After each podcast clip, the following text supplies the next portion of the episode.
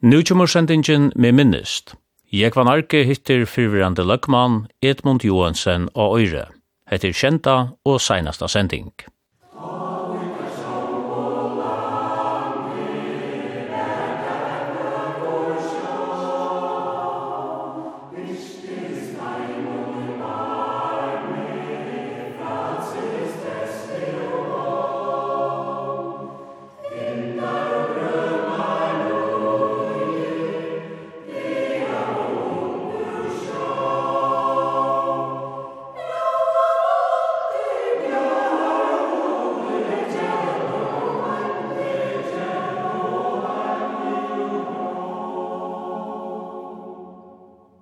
Edmund, to fyrst opp i politikk i 1908 1948.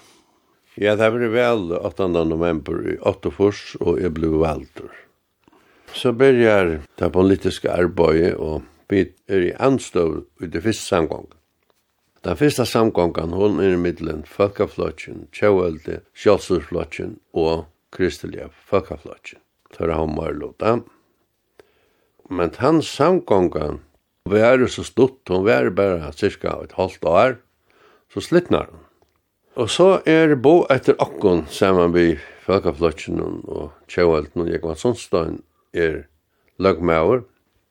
Jeg minnes vel at um, Pauli Ellesen, som var formauer til akkon, han var statsrevisor og han kjente alt til tøl og gosse og da fortjellige sa ut og fargen. Og jeg minns han sier vi med henne for nært at nå er ikke en spurninger om pastapolitikk, nå er det en spurninger om å redda følger. Sambandslokken fjør så opp i samgångene vi Folkefløsjen og Kjøvald. Og hon var det i omlag i halvt annet år, så var vel atter. Og det som... Uh, særlig gjør det så galdande, det var at det måtte jo styrast økonomisk holdt arvesen enn det var framnånda, og her var særlig en grunner som var holdt 1000 millioner kroner minst det, som ikke skulle brukast og prioriteras, det pengene var slett til. Og det var just uitui avtalen som var gjørte middelen flokkan, men hon var så forbyggen, og så helst sangangan ikke langt. Så ble vi så vel Det var så vi i halvfems, og her vinner Janna og Flokkeren størst. Han fær 20 mandater, og sammen med Falkaflotjen hever han som Marlota og Løkningsen. Atle Damberg løk med år, og jeg minnes vel at til til vel så var Janna Flokkeren fremme vi Einar i Atlan, som vi kallar i, eller tar kallar i, og sånn, de tog jo bøyene som skulle redda fyrir og för jag skulle innan 500 dager, som minns rätt. Men eh, det gick holdt øvelsene, det gick illa og vi kunde se at det är två av fem da för samfället. Og så för bankarna og så för nekvanna anna. Illa nästan allt ösen. sen att vi vinner löva ger och så framvis. Hvis vi tar det fra ørnendan, de store tingene som hendt å ta, så får um, landskassen i husagang, og fyrjar skilt av omlag 8 milliarder. Kommunen er vår øysene korda fastar, til rød land, sier det sjekk, kunne ikke betale sin skuld. Og omlag 25% av føringen var arbeidsleser, og folketallet minka ifra 8-24 000 nere, 43 000. Det var utslid av sånn her politiska kollapsen som var. Og det som hendte økonomisk var øysene større avlukker, fiskasølen for husagang, og hon hei forlangt der armar, hon hei virkjen i Grimsby, for å si for det Grimsby som var en pengamaskin av fiskasølen og ødlom flåtan.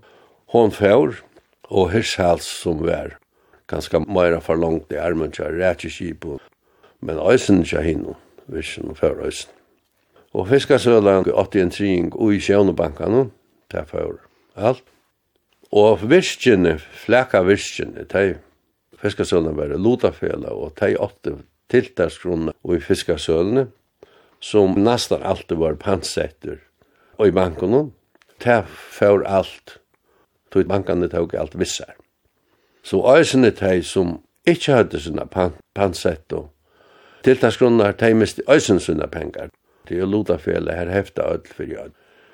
Så det snar fjord samfele er utrolig illa, allan vegin i jökna lykka ut til kipen og til virskin og til det møyniga føringar. Og nekver føringar blei husvidler av det samme, de miste husen, de var nyskriva i og fløyre, eller negum rymdi av landun nøysene, bæg til a byggva og til a arbeida, til arbeidsløse var største fyrir. Hetta er det som, hvis jeg skal leipa atter til veli i 94, og i 95 var jeg blivin formøver i flotjen og tog at Pauli Ellersen sier seg fra, og vi blivin største flokkur, vi åtta, Janna flokkur var færen holdt nira fem, og verkamannafylkingen hei stillet opp og finnje trudja mandater, og i halde av folkeflokken hei seks, medan tjavaflokken hei bara fyra alt. Det var færre holdt nira fyra. Og sjåsesflokken hei nok tvær. Og min flokken var æsne vi. Ta i vel var det, så var det mer lute og på ætjan vi ødlom tøyme flokkene, sømbasflokken og folkeflokken og sjåsesflokken og min flokken kunde manna atjan folk. Og jeg stod fyrir ta med samræðingun, vi tog okkur góa tui, jeg halde vi samræðst og nestan et var måna. Det var ikke uvanlig ta, det var ikke fyrt det. Det blått jeg ofte når vel 8. november, og samgånga var kipa, at nan utgjør. Men det var òsne fyrir at um, analysera tingene til samfunnet var så. Ytla fyrir a vita hva du gjeras kund. Men jeg minns det at uh, Tai og vi skulle samråa, ikke ytla vi samråa en gang, Folkaflokker var ekvelia trekur. Det virka ekka som at ongen vildi i samgångu, ongen tordi i samgångu, det er sannet skal sigast. Og da vi så kom til malsbøytene, jeg var ikke nøgdur vi samgångu sjæle som det var kommet så gjort, men hei så etterløyga at vi skulle røyna at hvis vi finge det rette landstorsfalskene, så åtte det ikke affæra biler ved samgångssjælen. Så kom vi inn halda det av kausen. Men folkeflokkeren, han var lukka stinne som han alltid pleier å være, og tar bildet til heva med i parsten. Så jeg takka i fire, det ble åndje samgånga av hæsson sinne vi tar. Før så til uh, Merte Petersen, som bare kyla folk, og vi funnet vel tautøy. Og gjør denne samgånga vi Janaflasjen og verskamannafeltingene og sjálfsfløsjen. Og det var en gav samgång av vilje halda, tog at um, det som rådde omta, det var å omstrukturera samfellet. Jeg helt med sånn at nu, nu var gammal vinnelus med år. At skulle, skulle vi gjøre det så skulle vi jøgnumføre derfra grunden i av. Vi skulle jøgnumføre større skipene, vi skulle jøgnumføre råhar arbeidene, vi skulle hava en nødja omsiding, og vi skulle føra samfellet i atter til marsnabuskap. Alt de tingene skulle vi til holdt. Og helst skulle vi gjøre ståra kommuner, gjøre en kommunestruktur som gjør det at kommunene var et kraftsenter hver sær i stedet for vi hadde. I halvt har vi hadde flest hadde vi øynaltrus kommuner. Og hetta var det som jeg sa fyrir meg at vi skulle tjøknumføre. Og alt anna var um, meir at sløtja eldar alla stegane tog at det var redda det som reddast kunde. Og det gjør vi da isen jo. Det gikk vel opp av tannmaten. Men så kom imest um, politisk og poi. Merta Petersen sale var formaur i løktingene. Og Og hon fær fra, er gite bare at hon var kanskje finne kritikk fra flokken om at ikkje at uh, vi er nøsjansk flokken, da man sier det som formaur, så skal man helst være kjønnliger, men hon fær så fra ble formaur i flokken, og vi begynte selv at jeg merkja til at Tions Eidsgård var ivrig etter formaskapen og gjennom flokken. Og til enda er det så vi, og da vi kom ut i 96, så slittna i samgången. Ta, sier jaunaflokkeren, sier ur samgången. Hetta kom sjálvandi illa vi, og det einaste som kunde redda at samgången held fram, det var at folkeflokkeren kom på i, i søgnen, seks mandat. Men uh, folkeflokkeren var jo, jeg hei jo så roddelig for nærmann, vi at ikkje færre samgång vi, altså det var ikkje bare som å si det. Og det som hardest Da man er politikere sitter midt i det, så hører man signaler fra Ødlandsøyen. Det var at jeg var sier finnes jo i båje, hvis jeg han sløyt samgångene av blå løgmaur, og kjævasflokkeren og folkeflokkeren skulle komme i samgång sammen. Så jeg bor ifra at antel blod det vel, vi får skrive ut vel, til at kjømmer folkeflokkeren på. Ta hei løgmauren finnes jo det mandat han kunde skriva ut väl. Men eh, det var jag säga att det är näst väl till att eh, det var bara en vägen att Folkaflokkeren sett seg i samband med meg, selja var det Jon Petersen, Ole Breckmann og Bjarne Djurholm som var skila folk og ville gjøre samgången vi jokk. Og det ble så samgången resten av Tøyerskøynen Og jeg skriver så vel ut. Tvær måneder er tog jeg var ut. Og så minnes det at um, det var jeg til det avtale gjørda vi danske stjøtene framan undan okko, som var minne bunt uh, landstøyre og lagt ikke nyer. Begge vi iverskåten idla, hvor størst underskått kunne være fortsatt men eisene var innført der kvoter av fisken tog at uh, fiskastavner, la selja toskastavner, var så lydels at frøyngar, at uh, det var ivi om man kunne menna seg atter. Men det var ikke tog beter at uh, det kom negver toskur inna langgrunnen, og man har det fra fiskemannen at han finge ikkje fiska hin fisken fire ber om tosk. Og ta i dag nå hadde jeg en kvotaskipa, så bær ikkje til a fiska hin fisken, utan a få tosken. Og taskeren kunne så annarkvart blekast ut, etla som det enda vi hadde fleste gjørte, det, ble døpter om til annan fisk og selter høyler av landen. Og så løsner våre trobelager av Hesons land. Det enda så vi at um, vi gjør det øyne fiskedeaskipa som kom i gild i halvt av 96, hver og i batene finner fiskedeia i stedet fire kvotner. Og ta bær sjåvande til av fisk. Og det var så heldet at det kom fisker etter av grunnene og rettelig negve fisker. Og jeg må si at enda det, det var et andre kversen her. Fiskeren er kommet fra at vi at spadomene fra fiskefrøyngene var i at det var at det var iva samt stavnan kunde menna seg atter. Men det var så fiskur som knapplega var inni av grunnen, og det var negve fisker. Og det er helt sjåan, det kom vel vi tja fiskemannen og, og prusene var gauur.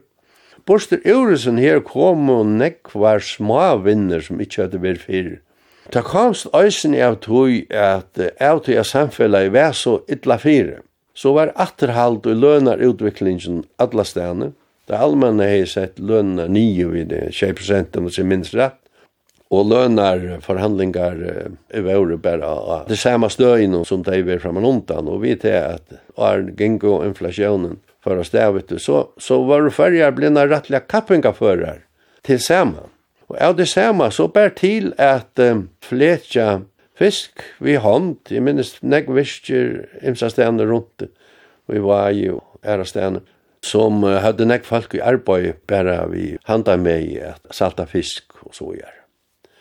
Så det Det hjelpte vel til disse her tingene at rett.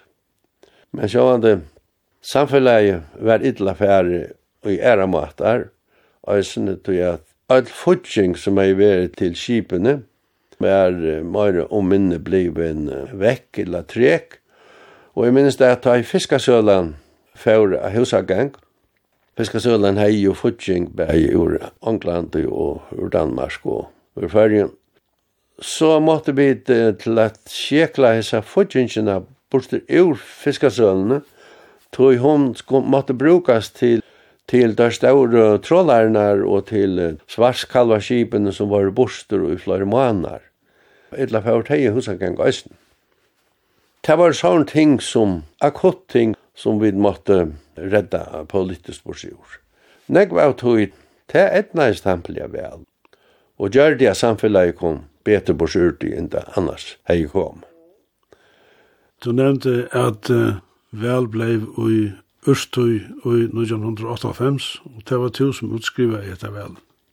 Ja, det var såleis nær at um, jeg finner jeg vita fra danske stjøtten at samrøyngene blir ikkje, det er samrøyngene som er sett med ståra ali da, skulle være ar vel, at det blir vi ikke fyrin at han er vel.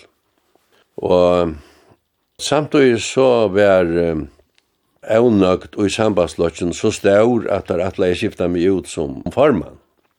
Alt dette her gjør det til at jeg hoksa i at um, nå er tøyen ute. Hvis jeg skriver i veldig ut så var det tvær måneder for tølja men annars var tøyen ute, og det var ikke ovanligt, og det er heller ikke ovanligt det at et skøy værer for måneder slitter inn åsett, det ser man i utlanden, så er det bare.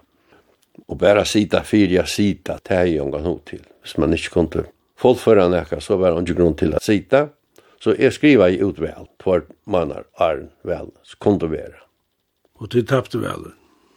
Ja, vi tappte vel. Vi var i åtta i samgångene, og vi enda av nirja seks.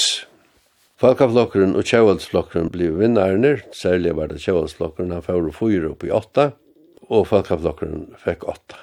Og tøyer sammen vi kjøvaldsflokkeren var morleten i høyde seks år. Fyrst fyra år, og så tvei år. Og jeg må lykke nevne det.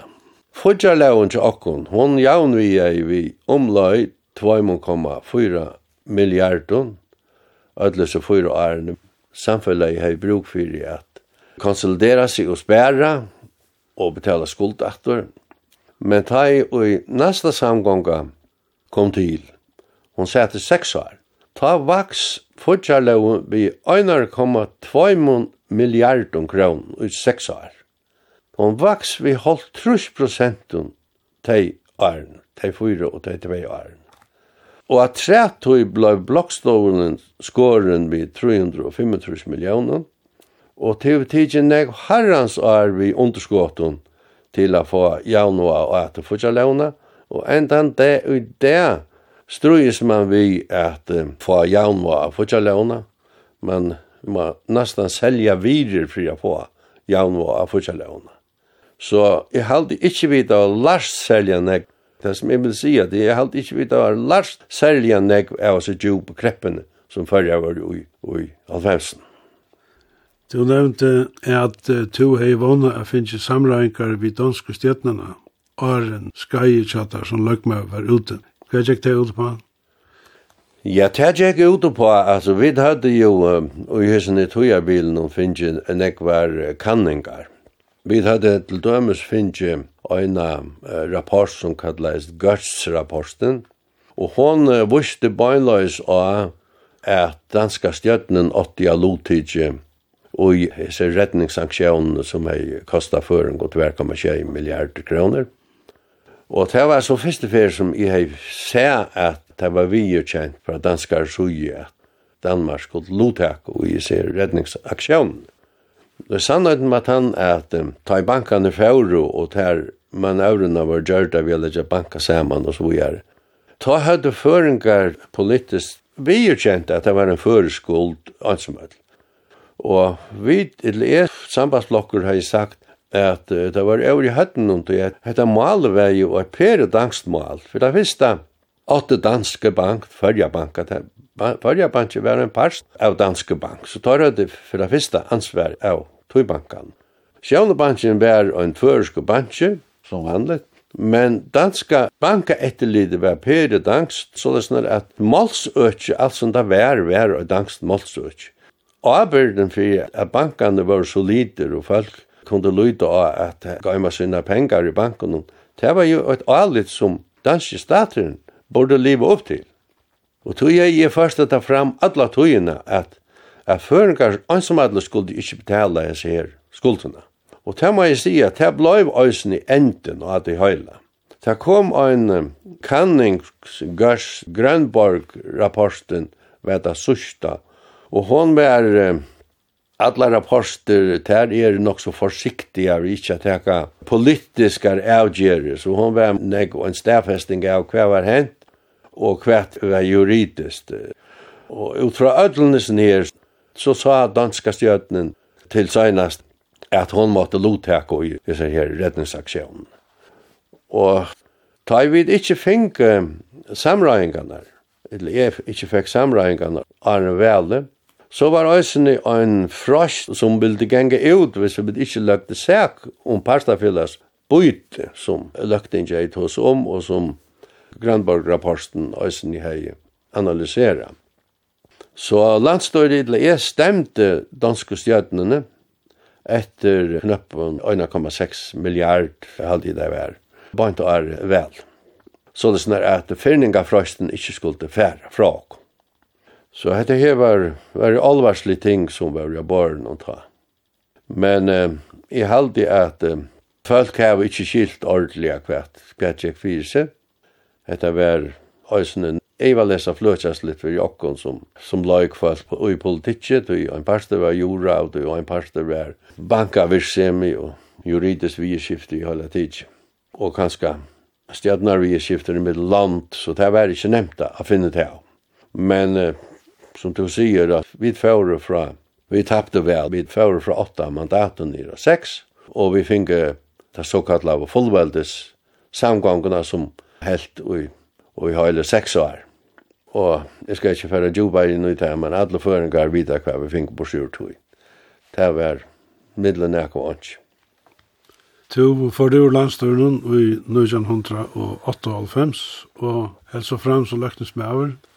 Så var tvei år etter av fullveldes samgångene, men knapplig så var onke korel av vi å velge formann til de seneste tvei årene så snar at det blev vel i middelen trutjar kandidater i løgtingsnå. Hergar Nilsen var så en kandidator, Ole Breckmann var en kandidator, og anstående stilla i meg opp til formannskapen. Ta i så er, så skal etkogrøsla til. Og etkogrøsla viste så fyrst at Hergar og jeg finge bager flestar etkvøver, Og så skulle det vel være omatter. Og ta vann i etgogrøstene, så løsner at det ble jeg som ble laktingsformaver de seneste tvei årene tja fullveldes landstøren. Og ta så vel var attor om tvei år, ta ble vi øynmalt valdur til løktingsformen og sett fyra år at rett. Og i fullveldes landstøren ta ble Finnbøy Isakson sale formauer, og jeg løst igjen av. La meg si at her beina veien at uh, Finnboi Øysaksson salig hei, jeg var øysen ut i form av skapen. Han hei fyrirøyga utbyggingene av løktingene. Løktingene skulle bygge et nytt løktingshus og en nødja omsidning. Det var således nær at telefonverskje som tar kallais telefonversk førja løktings, det hei omsidingarbygningin som løgtingi hefur nu til telefonbygninga husastøy. Atlanen var at de skulle flytta ut, medan løgtingi skulle iveteka. Og det skulle gerast under en form, så sånn at det ikke var telefon var fyrja løgtings langur, men en stauner fyrir seg. Og det blei så øysene jøkken først. Men det blei ikke bygd en nytt tinghus, Det gamla det var motstå i bøynen mot at bygge en nytt tinghus. Det gamla skulle bygges om, og så det sånn at det gamla snige var etter som man alltid har haft i i bøynen. Så alle de seks årene som jeg var løkningsformer, fører til å byggja fyrst tinghuset om, middelbygning og alt løktingshuset som blei omsidning til løktingshuset. Det var et, et kjempe arbeid som tar for gang og skulle gjøres. Men det er så jøgnet først og, og rigger han på livet vel. Det var så att det fire at gjøre det arbeid livet som var bestemmet å gjøre livet. Men jeg var omgang til fire at uh, gjøre noe vi til gamle husene. Jeg ville alle togene hava et nytt tinghus. Og det var ut fra tog at um, vi helt at løgten ikke åtte første rett til å gjøre et tinghus så nær Tinganese som møvligt. Tøy søvelige så var vi et eldsta ting i heimen, og var det nekar som føringar kunde gjere og fyrjar kunde gjere seg kjentar fire, så var det til at vi hadde haft ting i ivi tusen år, middel de eldste i heimen samanlagt. Og medan uh, grønlandar og Íslandar høyde sinne, sinne etkjenner sermersker, Íslandar vi så noen vulkanon og grønlandar vi så innan uisi og uisbjatnun og allan tog, så hadde føringar bare så en seg, og kunne vi hava hette her um, særlige merskje at vi hadde ötta eldsta ting i heimunnen, standande vi, vi atla at det skulle være fra Kongabrunni og, ut i hylen her. Palle Gregorisen tegna jo okkur noe vela hus her som bæg skulle luma løgtingene og, og kantor til allar løgningsmennene vi einar uh, brygg i Vratinganes, en gange brygg i Vratinganes, og et snåtelig hus. Og nyaste hatt skulle være en visualiseringshøll til kunstnærer og så framvegis. Og dette skulle være det første som færa folk så ut at de kom inn og målan i havnen. Her stendur, her bor et menta folk, her stendur et ting som er etkjenne tarra, der jeg har haft ting i, i tusen år. Du varst eisne opphavsmæver til lovarbrøytingsna om veldømmene. Du gjør det førre til eit veldømme. Ja, ja. Det er jo bare snakk i løgtingene og i nek herrens år om de gamle veldømmene. Folketale forskyter i alle tøyene, og det er bare en politisk kabala om hvordan nekve ombå seg forskjellige økene skulle heva. Og tar man hoksar om at um, en samgånga alla tøyina er avhengi, eller søvlig avhengi av øynene personer, så det øyla nekva sige at fundamentet, altså folkarrei, er det ratta. Og det er øyla ringt å få til at um, samsværa vi at fasthalda de som vel dømene og mannskapi ute i sånn her luttla Øtjalanden. Jeg kan nevne dømi om at Sandongen har haft tvei velfolk, og hev neivan folk bare til åkt, kanskje av hvert ikkje. Men tvei folk skulle bara veljast i som støvun, og Sandøytene, og så hev tjei åtta flokkar, så veit man til at stemmenar tar færre ikkje til de som de atla færre til, tandlokken, men man må prioritera kvann, kvann man, skal velja og så bojar. Og hvis du har fyrir som ått veldøme, så er det stemmenar som avgjør det, og følger følger velder.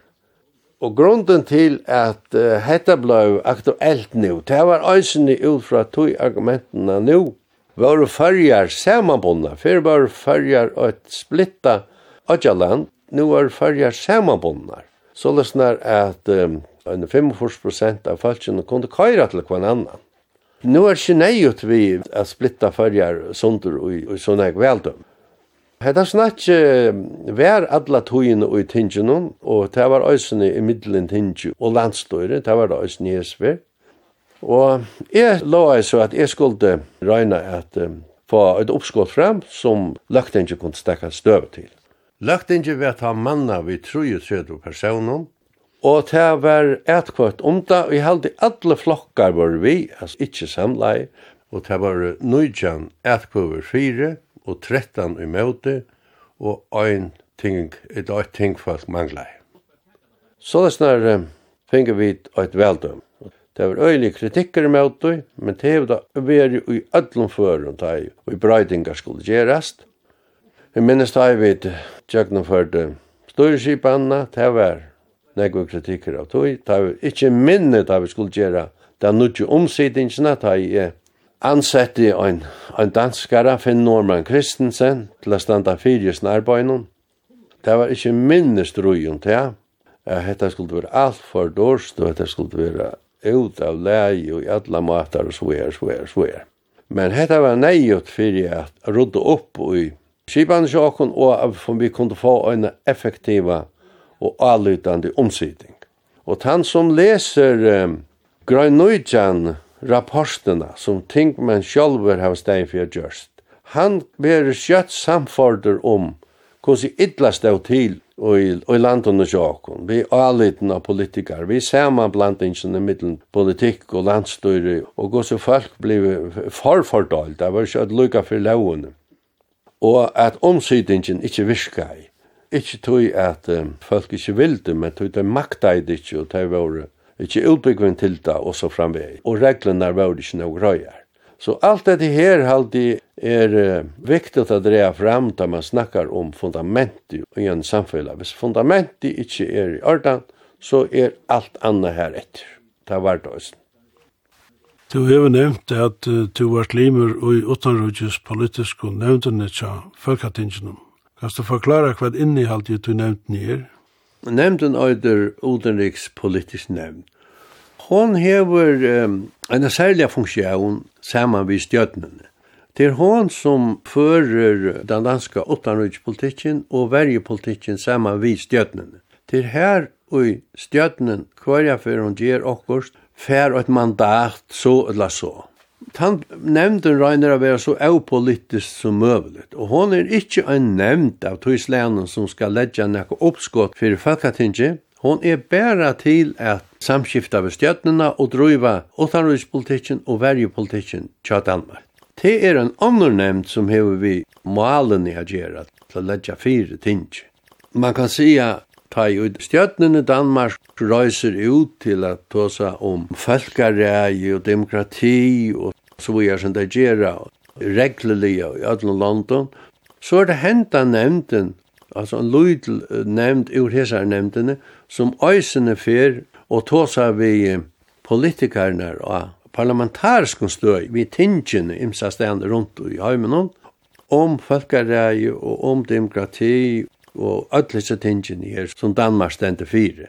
Så er det sånn at man kan si at Utan rujus har og, og statsministeren ikke standa ansemadler i sunne politikk, at man viser fra parlamentariska suje at det er alt folketinget som stender 18-4, at det er krever jo vi er skiften i middelen London.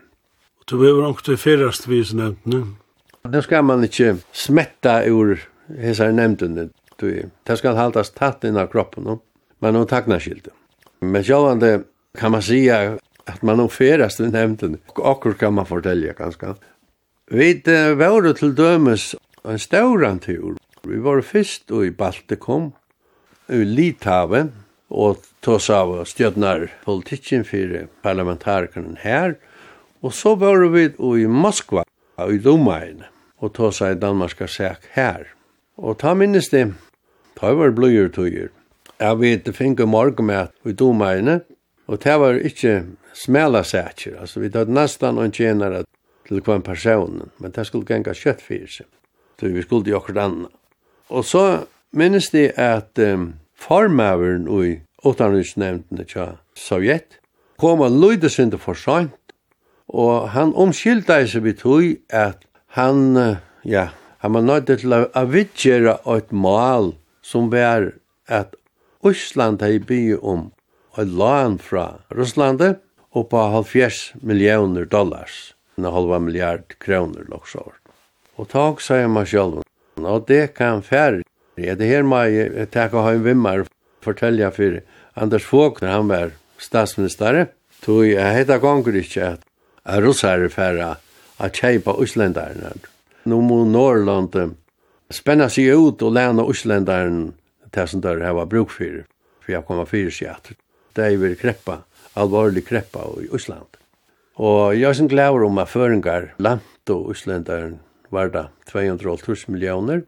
Ta, så det snar at vi var vid til å hjelpe grannen etter førmån.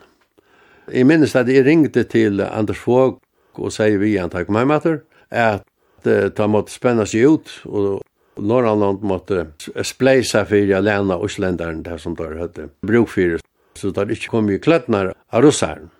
Og hva gjør det Anders Fogg?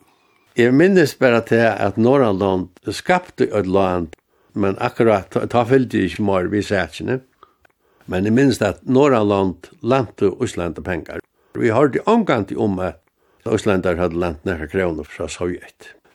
Ja, vi byrja i Baltikum, og så var det Russland, og så var vi i Tel Aviv, og vi var i Pakistan og Iran og Sur-Afrika og flo i høyrmatte fra Bahrain. Og det var således nær, at det var bant at han av Mohammeds tekningene. Og det var alt av gåse ta. Og jeg minnes det at vi vidja ambassadene i Islamabad og i Pakistan, og her er vi en spranging. Her var en av sånne her som spranges i luftene, som er i fram vi sendestovene, for hevn for Mohammeds tekningene, og hei sprangt alt i luften og ta døye åtta folk, og jeg hadde en 24 fink skæa. Men ambassaden fikk ikkje så støvran skæa. Det her var en gærer i middelen som jeg truste hår ikkje iver av sendestovna så negv som man kunne råkna vid. Det var en gærer som jeg gjørsta. Men uh, granna leif hår idla. Vi så i alt haner som hinge nyer og hål var i hjørns. Vi minnes da at Ta vi kort i her til, ta kort vi vi en panser av en bil og vi en pastar kanon oppi ja. Og det var hermen alla stan. Vi anker skulle henda akko. Men eh, sånar ferer, særlig at han har Mohammeds tekningarna, der skulle haldast strengt hemmeligar, så disse fyran ikkje visste hver vid fyra oss. Det kunne alltid henda akko nekka.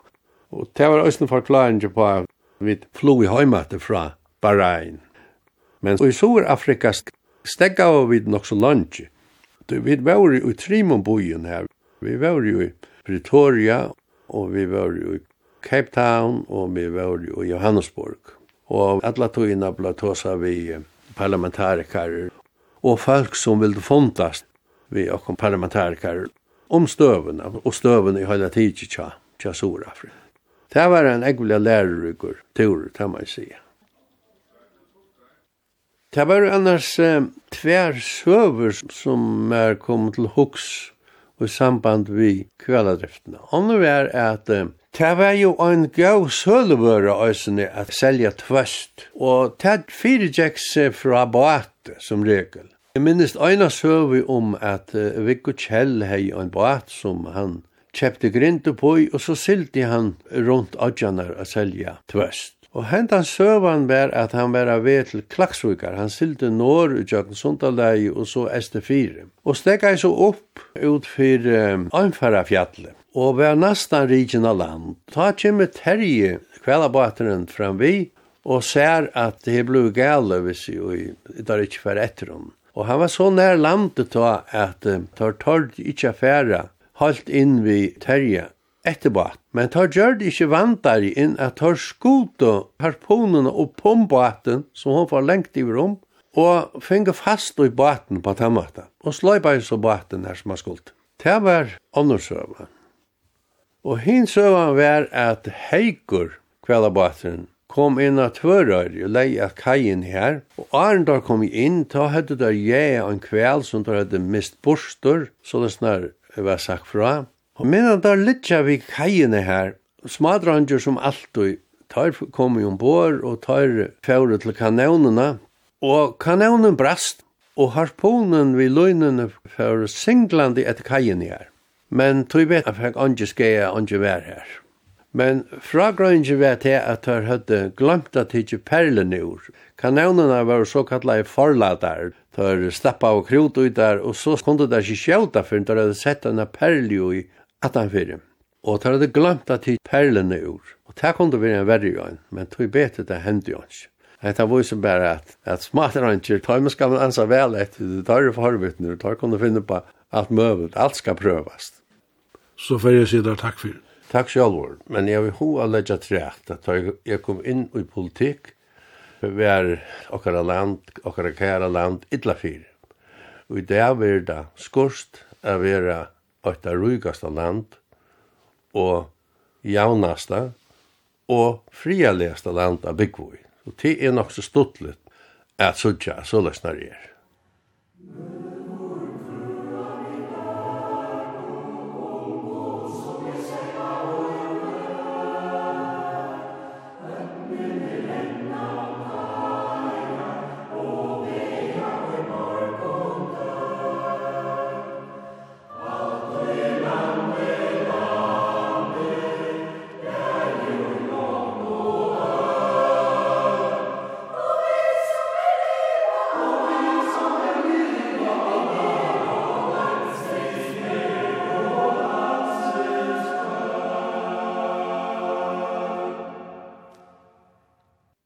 Hatta versendingen med minnist. var Arke hitti Edmund Johansen, fyrvrande løkman og øyre, kjenta og seinasta sending.